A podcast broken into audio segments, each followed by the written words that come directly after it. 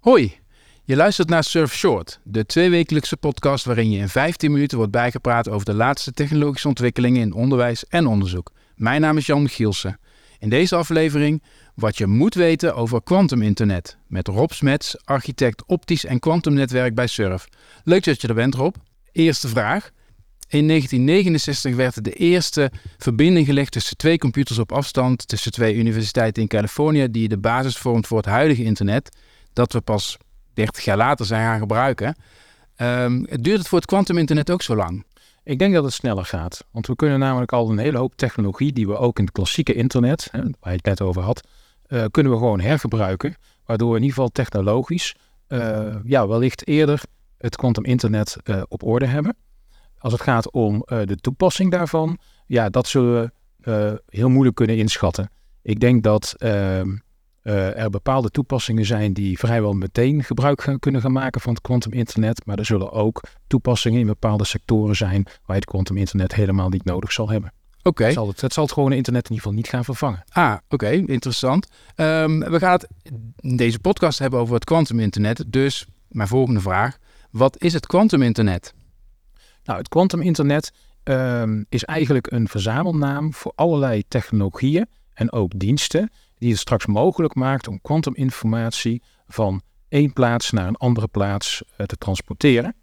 Uh, zie het maar een beetje als het huidige internet, wat ook computers met elkaar verbindt. Zo zul je ook kwantumcomputers met elkaar moeten verbinden.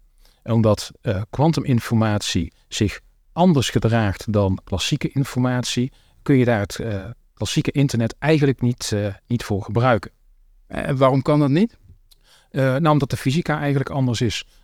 Quantum internet is gebaseerd op ja, wat ze superpositie noemen. Mm -hmm. um, en als je over langere afstanden die kwantuminformatie wilt transporteren, dan kun je dat niet doen met bestaande technologieën die we in de huidige netwerken gebruiken, zoals optische versterkers. We zullen daarvoor bijvoorbeeld quantum repeaters voor moeten ontwikkelen en moeten gaan gebruiken in onze netwerken. Ja.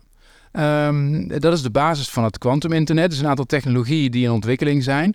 Um, hoe snel gaan die ontwikkelingen? Kun je daar iets over zeggen? Nou ja, dat gaat eigenlijk een beetje met, uh, met horten en stoten. Soms mm -hmm. worden er grote stappen gezet, soms worden er kleine stapjes gezet. Um, hè, neem bijvoorbeeld even quantum, uh, quantum computing. Hè, dan uh, ja, denkt men nu dat een quantumcomputer binnen vijf jaar iets zinnigs kan doen tien jaar voordat een quantumcomputer een serieuze aanval zou kunnen plegen op de huidige uh, encryptietechnologieën die we gebruiken.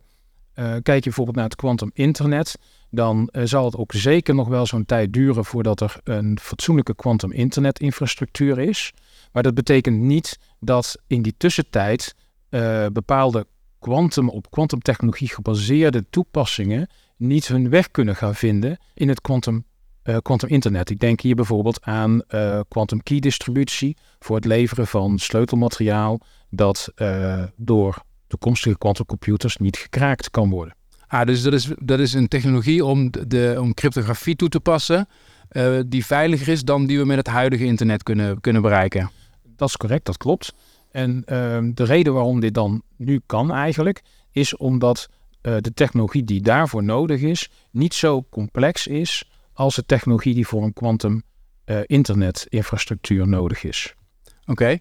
Kun je toepassingen noemen of zijn die al, worden die al bedacht uh, waar we het quantum internet voor nodig gaan hebben, waar we het gewone internet niet voor kunnen gebruiken? Nou, je kunt, uh, je kunt bijvoorbeeld denken aan sowieso aan wetenschappelijke toepassingen. Mm. Hè, dus hier heb je dan bijvoorbeeld over quantum sensors die je met elkaar wil, wil verbinden. Met quantum sensors kun je heel nauwkeurig um, dingen meten in een, in, een, in een netwerk of in een bepaald gebied. Uh, ook bijvoorbeeld voor, uh, voor het transporteren van klokken. Je kunt uh, met quantum sensors heel nauwkeurig voorspellen of dat een vulkaan bijvoorbeeld gaat uitbarsten of, of dat er een tsunami dreigt. Wat is het verschil tussen een quantum sensor en een gewone sensor zoals ik die in mijn huis heb voor temperatuur te meten bijvoorbeeld? Ehm, nou, de sensor in je huis kost een paar tientjes. En een quantum sensor die is een stukje duurder, maar hij is ook een stukje gevoeliger. Ah. He, dus uh, je kunt met, uh, met een quantum sensor kun je hele kleine verschillen in zwaartekracht meten, bijvoorbeeld. En die kleine verschillen zie je bijvoorbeeld terug bij een vulkaan die dreigt uit te barsten of een tsunami die dreigt te ontstaan. Ja, dus dat soort voorspellingen kunnen we beter doen als we straks kwantumsensoren hebben. Bijvoorbeeld, precies. En om die, om die te verbinden en om daar die kwantuminformatie zo, zo rijk mogelijk eigenlijk aan te reiken aan een uh, programma wat dat gaat verwerken, heb je dus dit quantum internet nodig om die informatie naar die quantumcomputer te brengen. En uh, je, je zegt uh, het, quantum internet zal niet het, het huidige internet, zoals, zoals we dat kennen, gaan vervangen. Maar gaat het quantum internet, gaan we dat dan niet gebruiken om kaartjes te bestellen voor de bioscoop? nou ja, dat, die kans is, nou, dat hangt er misschien een beetje vanaf. Hoe betrouwbaar men op dat moment het huidige quantum, sorry, het huidige internet nog vindt. Hè, een, een, een ander toepassingsgebied zit vooral in de bankenwereld. banken zijn eh, heel erg afhankelijk van elkaar als het gaat om eh, vertrouwen. Mhm. En ehm, dus dat vertrouwen dat moet altijd aanwezig zijn. En het risico wat, ehm, ja, wat, eh, wat banken lopen, is dat als een quantumcomputer dat vertrouwen kan ondermijnen, dat men dan uitsluitend zal eisen dat banken met wie ze communiceren ook gebruik maken van, quantum, van een quantuminfrastructuur. Ehm, wanneer jij dat thuis gaat gebruiken, ja, dat hangt er helemaal vanaf of dat je thuis uh, de beschikking krijgt over een, ja, zeg een mini-quantum computer of een quantum processor, als je het zo zou, uh, zou willen noemen. Maar dat, je, dat, dat men thuis een, een echte volwaardige quantumcomputer gaat, gaat gebruiken, die kans uh, acht ik voorlopig nog heel erg klein. Maar dat er misschien in de toekomst een, een uitgeklede versie komt voor bepaalde mensen die daar behoefte aan hebben. En dan heb ik het niet over mensen die een kaartje voor de bioscoop kopen, want uh, nou ja, dat is voor, in, voor hackers ook niet zo interessant. maar als je bijvoorbeeld vanuit thuis uh, daytrader bent met aandelen en je praat rechtstreeks met een bank, dan zou dat misschien wel een mogelijke use case kunnen zijn. Dus het gaat dan bij het quantum internet, zoals ik het nou een beetje van jou begrijp, over een stuk veiliger gebruik van het internet. zijn er andere aspecten van het quantum internet uh, die het een voordeel maken om het te gebruiken boven het gewone internet? Gaat het sneller of is het, is het, is het betrouwbaarder, zo'n verbinding? Nou, het gaat, het gaat, niet noodzakelijkerwijs sneller. Dat is vaak een, uh, vaak een misverstand. Mm hè, dat, uh, men zegt vaak bij, bij entanglement, het is de spooky, dis, spooky action at a distance. Je verandert een, de toestand van een qubit op één plek en instantaan gebeurt dat op de andere plek ook. Dat is waar. Maar om daar gebruik van te maken, zul je nog steeds klassieke informatie over moeten sturen. En het oversturen van die klassieke informatie uh, kan alleen op basis van de bestaande, ja, bestaande fysische wetten. En dat kost gewoon tijd. Ja. Dus het zal, het zal niet sneller worden. Het zal wel uh, veiliger kunnen worden. En er zullen ook nieuwe mogelijkheden ontstaan. Denk aan, aan bijvoorbeeld het uitrekenen van bepaalde wiskundige problemen, waar quantumcomputers weer heel goed in zijn. Nou, als je die quantumcomputers met elkaar wilt verbinden, dan heb je daar dat kwantuminformatienetwerk voor nodig.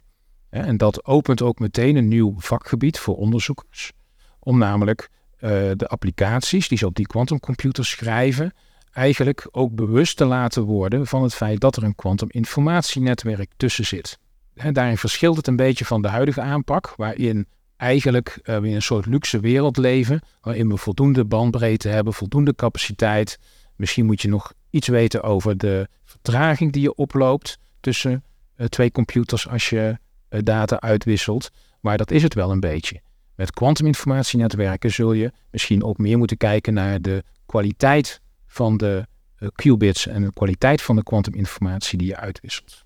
Vanuit dat oogpunt kan ik me voorstellen dat quantum internet zeker in eerste instantie nog uh, vooral zinvol is voor, voor de wetenschap, voor hele specifieke toepassingen. Kun je aangeven waarom instellingen in het Nederlandse hoger onderwijs en onderzoek nu al met quantum internet bezig moeten zijn? Moeten ze daar, moeten ze daar al iets mee eigenlijk? Ik denk op sommige aspecten wel. Hè? Als het gaat om uh, bijvoorbeeld het beveiligen van verbindingen, dan denk ik dat het goed is om te realiseren met wat voor informatie uh, je onderzoekers of je primaire processen ehm, te maken hebben. Als het informatie is die veiliggesteld moet worden voor lange termijn. En die ook heel erg belangrijk is, omdat het bijvoorbeeld terug te herleiden valt naar uh, persoonlijke informatie. Dan kan het goed zijn om toch alvast te kijken. Ja, of dat het belangrijk gaat worden om van quantum key distributie bijvoorbeeld gebruik te maken. Dus daar zijn nu al mogelijkheden voor? die apparatuur kun je in principe, zouden wij nu al kunnen, kunnen kopen. En we doen daar binnen Surf ook actief onderzoek naar van hoe we die apparatuur in ons netwerk genereren, integreren. En hoe we die geïntegreerde apparatuur dan ook kunnen inzetten voor een bepaalde dienstverlening. Ah, dus we zijn ook bij Surf al aan het kijken hoe kunnen we quantum internet, quantum computing inzetten voor dienstverlening voor onze aangesloten instellingen. Ja, we, kijken daar al naar. Uh, dat is natuurlijk nog heel allemaal uh, ja, prematuur, nog in, in, in, ja, in staat van development, ontwikkeling. maar we vinden het wel zo belangrijk dat we dit daadwerkelijk als een um, ja, als een technologie serieus moeten nemen, omdat ehm, alternatieven voor het beveiligen van informatie, denk aan post-quantum cryptografie, ehm, nog ook eigenlijk heel erg nieuw zijn. En we er voorlopig ook maar vanuit moeten gaan dat die uh, post-quantum cryptografie wel voldoende sterk is om een uh, om, om, ja, uh, weerstand te bieden tegen een aanval met een quantum computer. Een ander aspect is bijvoorbeeld het doen van, van onderzoek. Als jouw instelling uh, onderzoekers heeft die uh, werken met, uh, met sensoren en sensornetwerken bijvoorbeeld, dan kan het voor een onderzoeker interessant zijn om ook kwantumsensors in te zetten en ook die kwantuminformatie uit zo'n kwantumsensor om te kunnen zetten en te kunnen verwerken in een quantumcomputer.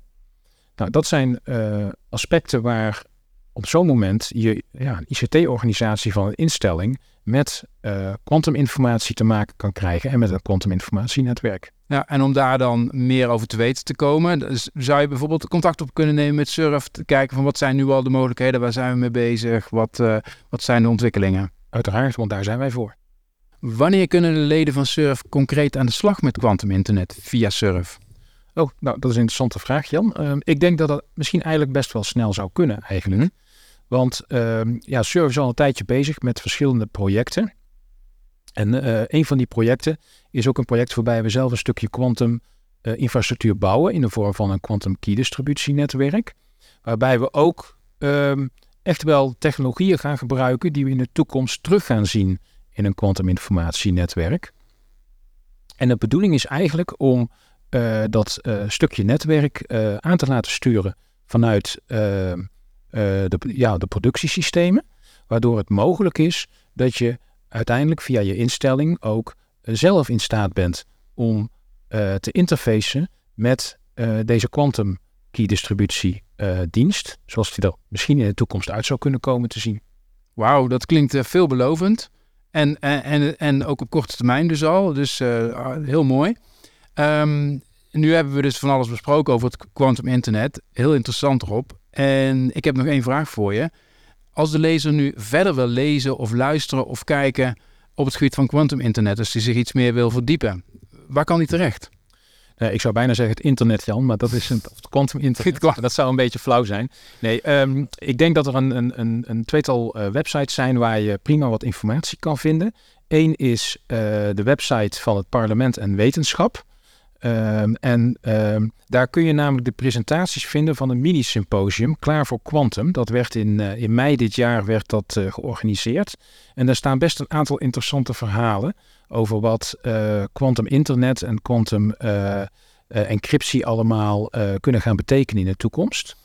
Um, ben je misschien wat meer technisch onderlegd, dan zou je kunnen kijken naar quantum-network.com.